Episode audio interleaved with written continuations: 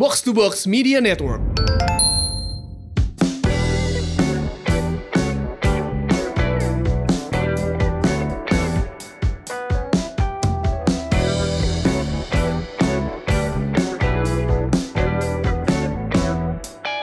Hai Semurians, welcome back. Ini dia podcast Semur Sehat Makmur, podcast yang mengajak kamu untuk sehat jasmani dan makmur finansial.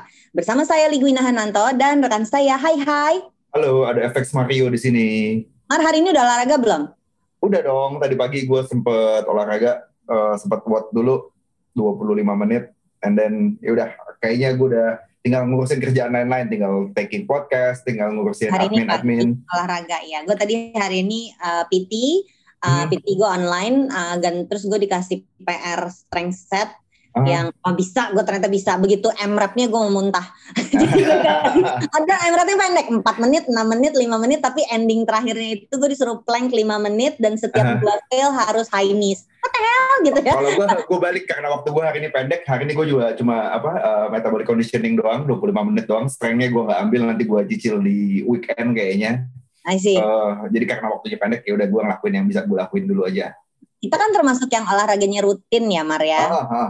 Eh, dan gue paling nggak dua kali seminggu sama PT, sepedahan seminggu sekali. Eh, hujan kemarin sih berantakan ya nggak sepedahan, tapi paling nggak ada tuh yang dua kali seminggu sama gue suka ngambil kelas-kelas yang zumba atau Ya. pound gitu seminggu sekali. Nah, ada olahraga baru yang ini kalau mau diributin di Twitter eh, bisa juga nih sebenarnya. Sport not gitu ya? Sports apa ini gitu ya? Yaitu e-sports. We've been talking about this. Hmm, udah kemarin ngobrol Beberapa sama episode Anak Mm-mm, dan janji kita adalah kita pengen bahas upgrade dari si dunia game ini ketika dia dijadikan kompetisi profesional lagi. Ya, ya. Dan ternyata ada kenalan kita yang ada di dunia itu, Dennis Adiswara. Hai. Hai. Halo, saya Dennis Adiswara dan e-sports adalah sports. Oke, that's a statement. Dan, oke, mari kita tengkarin Dan. Gimana Ayo. mungkin ini sports kan duduk-duduk doang gitu deh. Oke, oke. your statement. Kalau misalkan e-sports cuma duduk-duduk doang, itu yang namanya Queen's Gambit, bukan sports drama namanya. Jangan nonton Queen's Gambit ya. tengkarin. Berarti kalau e-sports itu tidak disebut sports, maka kita harus batalin semua yang ada di Iya, iya, iya, kejuaraan-kejuaraan internasional ya. Iya, ngomong tuh sama bridge, atlet bridge, bapak-bapak tua terkaya di Indonesia itu ya. Yang berani menghasilkan medali, anjir dia tuh menghasilkan medali tahu. Iya, makanya. Eh, e-sport itu sudah di eh, apa istilahnya kemarin exhibition kan di Asian Games yang heboh kemarin itu kan. Mhm. Iya, dan jangankan itu, ini PON ya, Pekan Olahraga Hmm. Nasional, bahkan ada e-sportsnya juga. Oh, udah Oke. masuk ke PON juga. Wow. Iya. Untuk, untuk game apa nih? Untuk gamenya game-game yang sering dipertandingkan macam eh, ini juga masih mau di announce sih sebenarnya yang, yang Oke. pasti pasti Mobile Legends Oke. ya kan sama ada beberapa game lainnya. Oke, tunggu Karena- tunggu. Ya. Eh, sebelum kita, gue akan ngasih pertanyaan-tanya pertanyaan sebagai ibu-ibu yang sangat apa ya, pokoknya asusila soal Asus. asusila apa sih bahasa gue yang nggak ngerti tentang e-sport. Tapi pertanyaan sebelum kita ke situ kredibilitas lu dulu dong. You Oh are iya not iya iya. Ahmed gitu kan ya. Apa Hmm, hubungannya ya. lu sama e-sports gitu lah deh. Oh, iya, iya, iya, gua iya. anak kuliah di FISIP. Nah, gitu kan. Ah. yang pernah yang pernah sama temen lo itu ya gitu bilang aja. Iya, kan gue Iya. gua udah gak ngomong situ. Iya. Itu Iya. Dan. Mantannya temennya Mario dah gitu aja. Iya. Oke. Kalian sebelum dicela dia menyela diri sendiri. Iya. Emang biarin. Coba, lu tuh sekarang kenapa kok bisa-bisanya jadi narsum tentang e-sports? Oke, karena s- tahun 2020 kemarin ketika pandemi itu sudah mulai beraksi dan menggeliat lucu-lucunya, Mhm. kebetulan ada teman-teman lama mengkontak saya untuk ngajak bergabung di sebuah tim e-sports bernama GBH Esports. Mhm. Oke. Jadi eh, ini tim tim kecil sih memang. Kita masih baru banget gitu, masih satu tahunan lah, satu Hmm. tahun pas lah. Januari Oke. kemarin ulang tahun. Nah, eh, saya diajak gabung menjadi salah satu co-founder.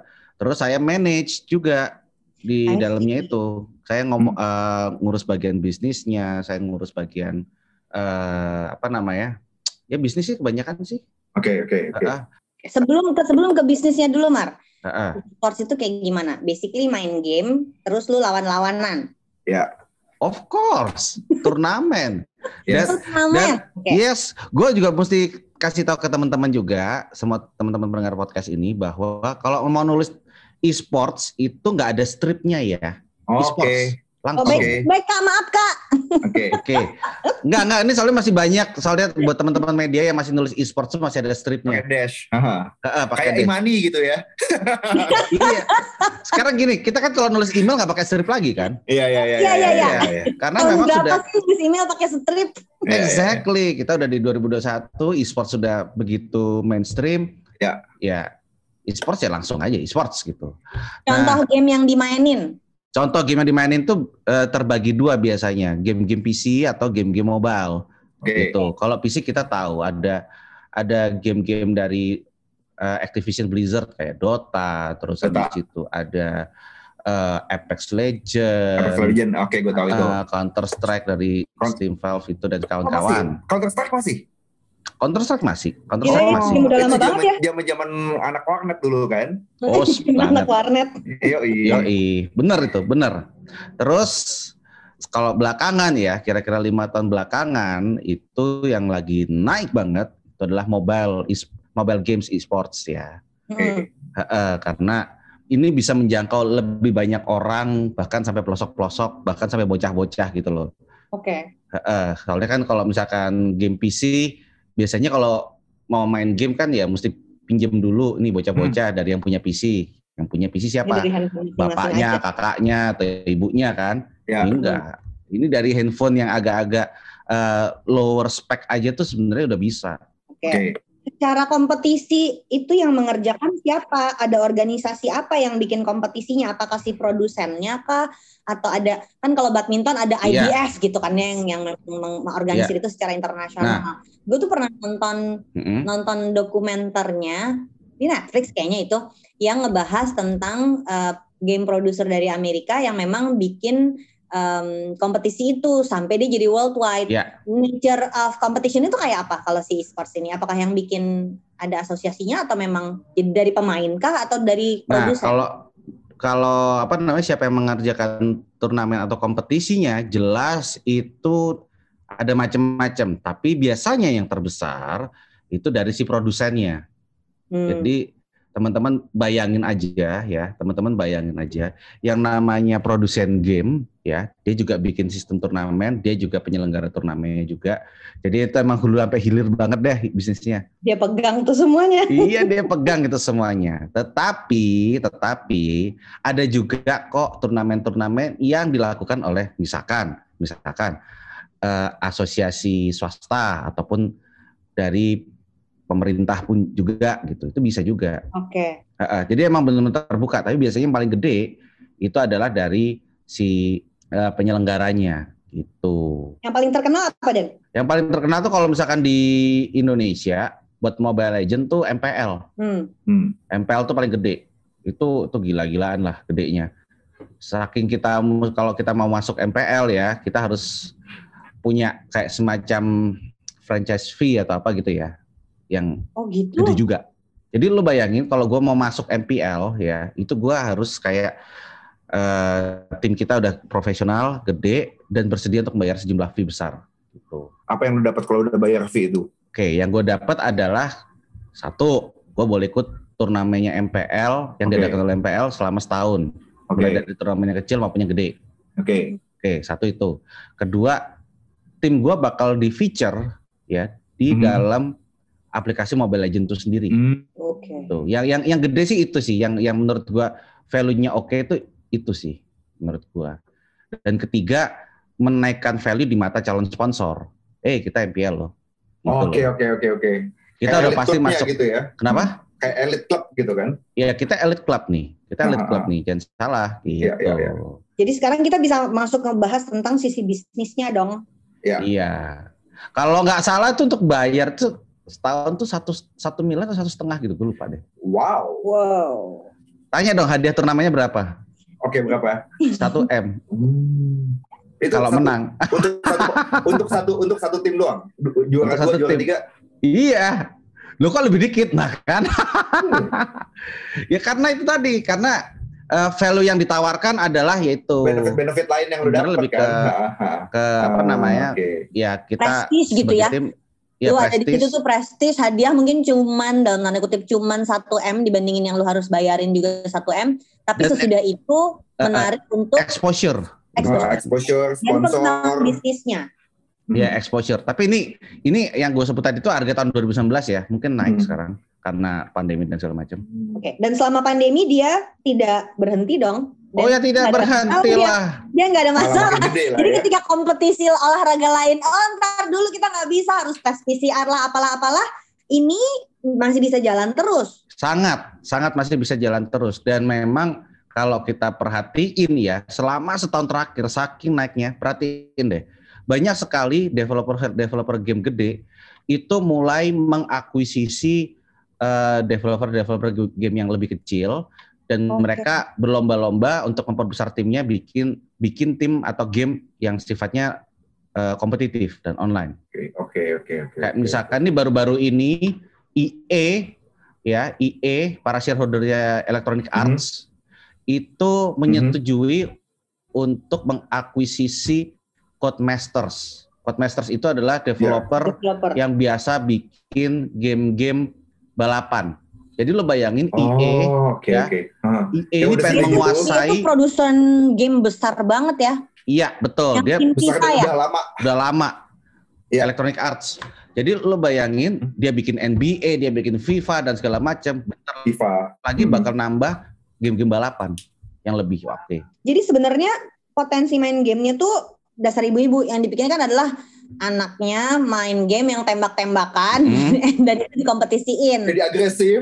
Iya kan, tapi enggak enggak enggak enggak ke sana Mar. Tapi sebenarnya okay. gamesnya tuh banyak banget kan dan jadi it's just only just the beginning akan lebih banyak lagi kompetisi dengan games yang lain kalau tadi angle angle-nya ada um, udah Electronic Arts beli kayak gitu mungkin aja akan ada balapan tapi uh, serba digital kayak gitu dong bisa ke sana dong in the future. Memang sudah ke arah sana gitu loh. Memang sangat sudah ke arah hmm. sana dan teman-teman kalau perhatiin sekarang studio-studio game besar itu mulai bikin game-game kompetitif dan mulai mengurangi bikin game yang single story sebenarnya. Hmm. Oh. Perhatiin okay, deh. Okay, okay, Bedanya gimana okay. Dan? Coba Dan. Oke, okay, misalkan kan kalau kalau mainnya homescape. ya itu iya boleh boleh. hati-hati ketagihan, hati-hati ketagihan ya. Sudah. In app purchase-nya luar biasa ya, game-game kayak gitu. Kan? Jadi gini teman-teman, kalau misalkan game yang single story yang kita beli untuk story, untuk kita nikmati story-nya, yeah. ya semacam misalkan nih Resident Evil ya. misalkan dalam waktu maksimum 10 jam kita sudah mengetahui semua endingnya uh. kita udah kelar oke okay. uh. oke okay? tetapi setelah 10 jam apa yang terjadi kita main 10 jam uh.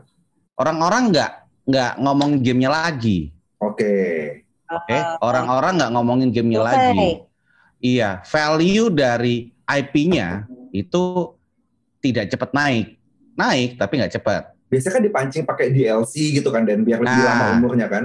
Waktu itu ya, uh. habis itu ada yang punya ide, ya udah kita pancing pakai DLC. Ya udah uh. kita pancing pakai add-on supaya yeah. umurnya lebih panjang.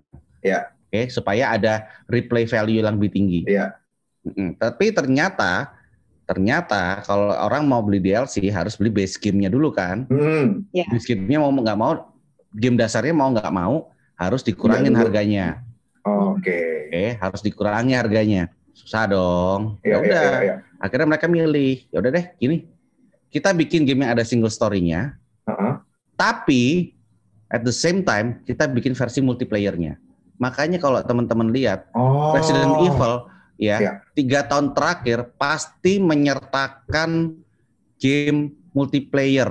Oh iya iya iya iya iya iya. Oh. Oke. Okay. Red Dead Redemption juga kayak gitu kan, story-nya ada, lu udah Betul. selesai, lu bisa multiplayer di PlayStation ya. gitu kan. Red Dead Redemption begitu, GTA 5 begitu. GTA 5. Uh, uh, supaya apa? Istilahnya ketika kita sudah tersedot dalam dunianya mereka, sudah tersedot uh, dengan universe-nya, dengan nih. ceritanya, udah suka uh, nih. Uh. And then ceritanya tamat, but we still want more. Kita uh. bisa bikin sendiri. Oh. Kita bisa bikin sendiri ceritanya di dalam situ, di dalam universe yang sama. Untuk Iya. memperpanjang uh, value si IP-nya ini ya biar terus dimainin, Unlimited biar terus diomongin.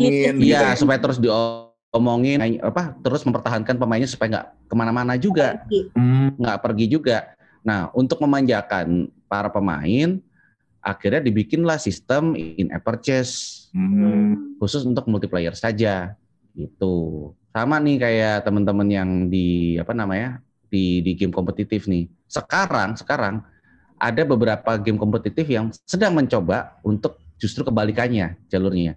Bikin game kompetitifnya dulu, baru bikin game single story-nya. Oh gitu. Ya, contohnya adalah League of Legends. League of Legends ini sudah bertahun-tahun menjadi kompetitor Dota yang paling mantep, ya kan? Hmm, hmm. Bahkan gede banget di US. Sempat gede banget di US ngalahin Dota, sempat beberapa kali. Nah, ketika dia diakuisisi sama Tencent, ya kan, League of Legends ini, dia mulai ekspansi bikin game single story Hmm. RPG dan itu baru mau mulai sekarang. Dia juga oke. tapi sebelumnya, sebelum dia ke single story, dia merambah ke industri musik juga. Untuk Bikin K-pop grup. anjir gila. League of Legends tuh punya K-pop grup. wow. Nggak kebayang ini gimana Gila, sih gila, ajaib gila. banget. Jadi lo bayangin Oke, ada oke. game League of Legends kayak Dota gitu ya Hmm. Wina ya. Ya ya. Oke, Ah. Mario juga main Dota kan dulu kan? Tahu League of Legends kan? Main dulu. Yes, Oke. main gue main Lo bayangin. tahu, karena anak gue main. Oke, Ah. untuk memperkuat IP-nya, untuk memperkuat IP-nya, yang pertama mereka lakukan adalah mereka bikin K-pop grup. Oke. Oh, oke. Ya bikin komik udah pastilah, tapi komik itu cuma Hmm. cuma buat pecinta komik doang. Ya, ya, ya, ya. Nah, dia habis itu bikin. K-pop group karena dia tahu, wah nih K-pop lagi mendunia nih gitu. Aha, aha. Jadi dia ambil ya, dia ambil K-pop eh, performer ya yang mungkin nggak terlalu gede, Mhm. terus suaranya dan gerakan badannya diambil ya, ditransfer ke dalam beberapa hero yang ada di League of Legends. Hmm, Gila, gila. Jadi lo bayangin, jadi lo bayangin ketika lo main League of Legends sekarang, lo nggak cuma memainkan sekedar hero dari dunia Ah, yang berantah, tapi lo memainkan artis. seorang personil Oke, K-pop. oke. Gila. Oh, oke. dan itu ada kepribadiannya, dia suka makan apa, dia suka nongkrong Ada di mana, ada ada threads itu ada Instagramnya. Aha. Heeh. Dan lo lagi ngomong sama salah satu fansnya sekarang. Oke. Gitu. Oke baik, halo kakak. Itu nama nama nama eh, grupnya tuh KDA. Bahkan mereka pernah pernah tampil live kok beberapa kali. Dan live-nya pun juga kayak Gorillaz Oh, gitu, benar-benar oke. virtual. Dan itu yang nonton tuh rame dan acaranya disponsori oleh Visa. Wow, gila. Oke, tuh kalau kita masuk ke dalam bisnisnya dari Hmm. sisi produsen aja sampai nyariin exposure gimana caranya supaya gamenya itu nggak cuman karena komik tuh ternyata very segmented Hmm. kan ya. Cari Yes. segmen yang lain sampai K-pop aja sama dia dipikirin. Kalau dari sisi si em, itu kan gamenya. Kalau dari sisi si tim playernya, kan lu bilang lu co-founder dan lu manage bisnis dari timnya. Ya. Apa sih sebenarnya yang yang yang diperlukan untuk sebuah tim e-sports bisa berlaga dan bisa berjalan bisnisnya? Dan si playersnya ini anak umur berapaan Ya. Dan Eh, Oke. dan mereka punya skill apa sampai bisa masuk ke dalam tim-tim? Ada berapa banyak sih tim di Indonesia? Gue bener-bener gak kebayang loh. Karena gue ya? bayangin ya olahraga kompetitif tuh badminton, ada tim Mutiara, ada timnya PB Jaya, eh, kayak gitu-gitu kan. Udah, Itu gini. clubs kan basically kan. Clubs come and go. Saking banyaknya tim kita, ada laporan dari Nico Partners yang bilang bahwa tahun 2020 Indonesia memegang sebagai negara dengan jumlah turnamen terbanyak Oke. se-Asia. Hmm. Se-Asia, Se-Asia. Ngalahin Gila. Malaysia. Nah, Terus? lu lu uh, dapetin orang-orang buat uh, main di tim lu segala macam. Lu uh, kalau tadi lu bilang klub scan come and go, scoutingnya gimana? Nah, gini, sebelumnya kita agak mundur Oke. dikit ya. Kita Hmm. agak mundur dikit sekarang. Yang namanya e-sports ya, kalau dari kacamata si developer game, Aha. itu adalah sarana untuk community building sekaligus untuk menambah Oke. market. Oke. Oke, ya memperbesar market. Semakin besar marketnya, semakin gede Value-nya, valuasi hmm, IP-nya, hmm. iya kan? Kita udah tahu arahnya ke mana. Nah, sekarang kita ke klub. Klub gimana? Sama. Basically, sebenarnya setiap klub yang ada itu sadar tidak sadar dijalankan sebagaimana sebuah perusahaan rintisan Oke. sebenarnya. Ah, Oke. Heeh. Nah, dan sebagaimana perusahaan rintisan lainnya, pasti akan naik value-nya kalau ada traction. Mm. Pasti akan naik kalau ada revenue yang jelas. Ini menarik. Jadi tractionnya yang dilihat apa? Kan kalau itu startup bikin aplikasi yang dilihat download Hmm. gitu. Nah kalau Yes. kalau clubs apa yang dilihat? Ya fans, Oh. Jumlah fans. jumlah fans, jumlah fans, jumlah followers Oh. itu yang dilihat. Terus abis itu juga seberapa talented itu jajaran jajaran pemain lo Hmm, hmm. gitu loh. Karena semakin talented, semakin keren, semakin tinggi kemungkinan untuk kemenangan, maka semakin tinggi juga kemungkinan untuk kita ditonton lebih Oke. banyak orang. Oke. How do you make money? sehingga How do you value make kita money? lebih tinggi untuk sponsorship. Nah, masalahnya adalah di sini tim e-sports itu make money-nya masih mengandalkan sponsor Oke. Oke. hampir Ya. lebih dari 60 persennya. Padahal kalau bisnis model di tempat lain, Padahal kalau bisnis model tempat lain boleh sponsor tapi 40-30 persen lah gitu loh. Sisanya ya harusnya pakai misalkan ya, misalkan ya mengandalkan eh, penjualan merchandise. IP lu IP lu Oh, sebagai suatu klub sendiri gitu ya. Heeh. IP lo sebagai klub ya IP sebagai klub. di di apa dilisensikan untuk bikin let's say cafe Aha, aha, aha. ya kan atau produk turunan lainnya. Ya. Atau mungkin kayak kayak kita meminjam sistemnya Mhm. FC Barcelona ya, tim sepak bola. Hmm. Dia salah satu revenue-nya juga dari membership para Fansnya. Yang kayak jualan Ya kan? karcis terusan gitu ya buat ke, ke stadion. Iya, jualan karcis terusan terus kalau misalkan mau nambah ada di harga Iya, iya. diskon. Kalau mau beli merchandise ada diskon. Dan asingnya Barcelona adalah mereka itu koperasi. Oh, oke oke. Oh, wow. Oke. Fan clubnya itu adalah koperasi. Jadi setiap kali si fans yang juga member itu membeli merchandise Itu original, manfaatnya bisa buat dia juga. betul. Akhir tahun dia dapat Hmm, dapat bagian keuntungan sebagai pemilik salah Anggota satu koperasi itu. pemilik koperasi. Iya, oke deh. Making money-nya udah. Eh, sekarang kita ngomongin atletnya deh. Eh, atletnya. oke. Ya, let's call them athletes Iya, iya. dong. Yes. Kalau atlet itu ada ada ada mas ada masa keemasannya dong pasti kan. Itu time frame time Ada. frame-nya berapa lama sih dan dan eh, abis dia udah melewati masa keemasannya how do they make money? Entah jadi pelatih, entah gimana, itu gimana dan biasanya dan.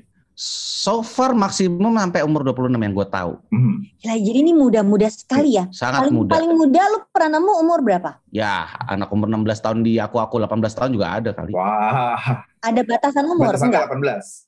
Sebenarnya, sebenarnya ada batasan umur, terutama untuk game-game yang memang eh, tembak-tembakan. Oke, oke, oke. kan, Ya, gitu ya, loh. ya, paham, paham, paham. Nah, supaya supaya ya gitulah. Ada beberapa klub tuh, Bandel lah, bandel. ya bandel lah Ah. gitu.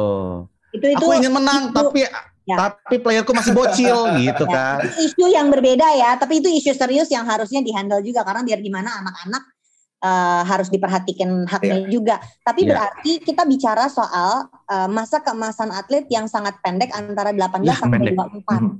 Iya, itu pendek banget, segitu doang.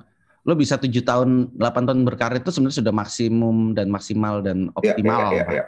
istilahnya begitu. Setelah itu kebanyakan pasti jadi pelatih. Cuma yang namanya pelatih kan gimana ya? Satu pelatih buat ngehand bisa buat ngehandle 20 Ah, orang misalkan. Kalau misalkan ada 20 player semuanya pensiun, masa 20 20 jadi Iya. pelatih? Ah, ah, ah. Nggak mungkin kan? Makanya ada yang misalkan nih jadi content creator larinya. Oke. Ada yang jadi eh, di me- di bagian administrasi dan manajemen. Oke, jadi di sebuah tim manajemen. Oke, ha. Ya, cuma ya itu tadi. Kalau misalkan mau masuk ke manajemen, yang mana sebenarnya sangat-sangat dibutuhkan untuk saat ini karena kurang Mhm. ya. Berarti ini tuh ini tuh perlu obrolan serius di dalam industrinya ya karena Sudah. semua pekerjaan kalau kita Mm-mm. ngomongin dari sisi profesionalisme karyawan itu mikirin pensiun di umur 55 gitu kan ya. Iya, Atlet badminton deh mungkin mikirin pensiun di umur 35 Iya, iya. gitu kan ya. yes. Mm-mm. Atlet e-sports dia harus mikirin pensiun umur 24, Bo. Gimana financial. Orang kan baru planning-nya mulai kerja. Nah, Ya nggak sih? Orang kan baru mulai kerja itu Dan. Jadi jadi yang yang kayaknya anak-anak ini harus lihat itu mungkin quick money upfront, tapi dia harus mikirin skill apa yang selanjutnya dia harus acquire untuk memulai hidup sesudah jadi atlet. Betul, itu dia. Sekarang Iya, itu ya bukan sekarang sih, lebih tepatnya selama satu setengah tahun terakhir ini concernnya Nah, memang ke gimana arah financial itu, planningnya Win? Nah, kita harus mikirin para player-player ini untuk diingetin punya skill tambahan, Mm-mm. punya skill personal financial management. Ya. Gitu loh. Karena setelah umur 25 atau 26 tahun ketika pensiun itu sudah bukan tanggung jawab perusahaan Ya. lagi. Makanya eh, beberapa tim besar sudah mulai ada misalkan ya ada guru kayak private gitu. hmm, Mereka bikin Oke. bikin kurikulum yang menyesuaikan dengan kurikulum-kurikulum kebanyakan sih kurikulum SMA dan Ah. kuliah, terus sama life skills juga, terus dicampur aduk. Umur diajarin ke 18 24 anak-anak. itu kan prime yang biasanya orang Ya, kuliah ya. ya. Iya, Nah, ketika lu jadi atlet, gue kan gue tuh sangat ngikutin badminton ya waktu SMP SMA. Jadi gue ngikutin tuh hidupnya kayak masanya Susi Susanti yang ya basically nggak sekolah, sekolahnya tuh Iya. em, sekolah atlet gitu. Nah, mm-mm. di usia seperti itu, si atlet-atlet e-sports ini apa? hmm, apakah masih sempat memungkinkan nggak hidup jadi atlet e-sports sambil kuliah? memungkinkan kok, Memungkinkan. memungkinkan. biasanya latihannya berapa jam deh sebagai atlet e-sport? Latihannya Dalam 6 sehari? jam. Oh ya masih ada waktu sih. Ada Iya, lah, iya, iya, ada iya, lah. iya. Asal jangan pacaran aja. itu masalah hidup baru lagi di semua bidang kalau itu. Iya, kalau umur-umur segini mah gak usah pacaran lah, FWB aja lah titik. Gak ada beban emosi ya. Ta'aruf dan ta'aruf. Jangan taruh beban, tar yang ada. Aduh, masih kecil, masih muda. Kawin kalau Disuruh kawin, tapi disuruh menang juga. Belum menang. Eh, anak di rumah mesti kasih makan. Ya. Oke, so ini very interesting. Uh, kita senang banget dapat dapat perspektif tentang e-sport sebagai sebuah uh, apa olahraga kompetitif Udah yang jadi level industri. internasional. Ya, udah jadi industri dan ya itu tadi orang-orang yang terlibat di dalamnya ini sebenarnya masih mencari bentuk Oke, juga oke, oke. sebenarnya. Benar, benar. Industrinya masih mencari bentuk. Jadi ini adalah momen-momen yang menyenangkan dan exciting sebenarnya saat Lu ini. ngelihat e-sport ke depan gimana? Will you see it will be bigger in the next 10-15 years? Atau malah akan declining? Atau gimana? Well of course, well of Hmm. course. Pastinya dengan adanya pandemi ini orang pasti akan semakin berjaga Oke. jarak. Walaupun kita nanti pun sudah ada Aha. vaksin, Iya, iya. eh, 2020 itu menyisakan trauma Ya, hebat ya, ya, ya, ya, ya. bagi umat Betul. manusia. So I think it's not gonna decline in 10 Oke, oke, years. oke. Ada malah makin makin ini ya, makin, Makin gede. Ya, mainstream ya, ya. gitu loh. Dan ini ya, gue kasih tahu ini ada basisnya juga teman-teman. Ketika kita kita ada di dunia Mhm. e-sports ya yang lagi kosong seperti ini, yang yang nggak dimiliki oleh tim olahraga yang beneran adalah data sebenarnya. Oh, iya, iya, iya. iya, data, Oh iya benar. Iya, iya, ya. Cepat ya. Ujungnya Data. hit data is gold now. Hmm. Heeh. Ya at least not yet ya untuk untuk eh, apa namanya untuk olahraga konvensional ya. Tapi kalau olahraga elektronik kita bisa dapat data sebenarnya. Dan itu Dan lu modal tahu sih, buat menang banget ya. itu modal buat menang Hmm. banget. Itu buat modal buat menang banget bagi tim dan modal buat valuasi Betul. buat para para developer Ya, ya, ya, ya, gitu loh. Oke, oke, oke, oke. Karena karena kita bisa tahu spending habitnya orang bagaimana, spendingnya lewat Hmm. mana. Kalau main agresif apa Hmm. enggak, jam berapa Hmm. aktifnya, jam berapa mainnya, itu semua Hmm. bisa kita lihat gitu loh. Jadi kemarin sampai ada yang ngomong nggak mau vaksin gara-gara takut ada chip di dalam apa vaksin. Ah, sama saja bohong. Anda selama ini kalau main Mobile Legends sudah ketahuan belanja bulanan Anda berapa. Jangan bodoh ya, Berarti bisa, gitu. Tapi bisa memang gitu eh, household household income lu gimana, demografi lu gimana, lu Iya. tinggal di mana. Dari situ usah sudah ketahuan. Anda sultan apa Iya, iya, bukan iya, iya. gitu. Usah nungguin Dan kalau Anda bukan sultan, ya jangan jangan tolak itu yang namanya vaksin gara-gara katanya ada microchip. Hah, gitu. Gue seneng banget tapi cerita microchip itu karena itu berarti nanoteknologinya Berjalan. udah ada. iya, gue tapi gue agak seneng. Gue langsung berasa kayak, wah ada nanochip. Wakanda di mana nih? Kayaknya mereka yang duluan kan teknologinya. Gitu. Oke. Oke, thank you Den. Seru banget Ah, obrolannya. Menyenangkan. Ya ya ya sama-sama. Ya, eh gue pengen ngomong juga nih sama Wina sama Yes. Mario juga. Wina, Mario, kalau lo pengen pengen ke tap in market yang lebih Hah? gede, please tuh personal finance buat anak-anak e-sports. Oh, siap, Siap. siap, siap, siap. Itu harus Abis- ada. Itu Kita harus ada. di belakang menurut kali ya di sini ya. Iya ya, sama itu eh, how to keep them Iya, physically iya. fit. Bisa banget. Oh iya Karena iya nggak iya. bisa lu main kalau badan lu Iya, encok, nggak bisa. Iya. Iya. Jadi ya, maksud gue beneran itu eh, kita beneran udah encok, carpal tunnel, Iya, apalagi iya, ya biasanya. ya. Atau lu gitu ya. gampang panik attack gitu kan? Iya, Iya, kan? Iya. betul. Jadi teman-teman itulah kenapa e-sports dibilang sports Oke. beneran. Balik, lagi. Oke. Setuju. Jadi kita mulai dengan sebuah Iya, premis, e-sports adalah e-sports beneran dan closing dengan apa. Dan? E-sports adalah sports Oke. beneran. Walaupun beberapa profesional e-sports di atas badannya di atas standarnya Mario ya. Pasti Mario Nggak gemes ngeliatnya. Gue juga Tiap, gemes tiap, kok. tiap Tenang. sport punya eh, bentuk badan idealnya masing-masing gitu kan. Kayak lu lihat maratoner, maratoner sama sprinter aja badannya udah beda. Jadi ya udah, let's keep the e-sport punya standar badannya sendiri gitu ya. Enggak Mar, enggak Mar, enggak enggak bisa Mar. Gue gemes Ya gue. Enggak, enggak bisa. Takut mati cepet gue. Itu. Bener bener. itu harus dibenerin sih, itu harus dibenerin. Benerin Mar, ayo Mar. Eh, Oke, semurian itu aja obrolan dengan Denis Adiswara. Seru banget. eh, make sure lu juga dengerin episode-episode semur yang lain yang ngebahas tentang game. Saya FX Mario bersama teman saya. Saya Ligwina Hananto. Buat apa sehat tapi nggak punya uang? Buat apa makmur tapi sakit-sakitan? Live long and prosper. Long and prosper. Bye-bye. Thank, Thank you you, banget, Dennis. Dan. Thank you banget, Thank you. Live long and prosper. Thank you.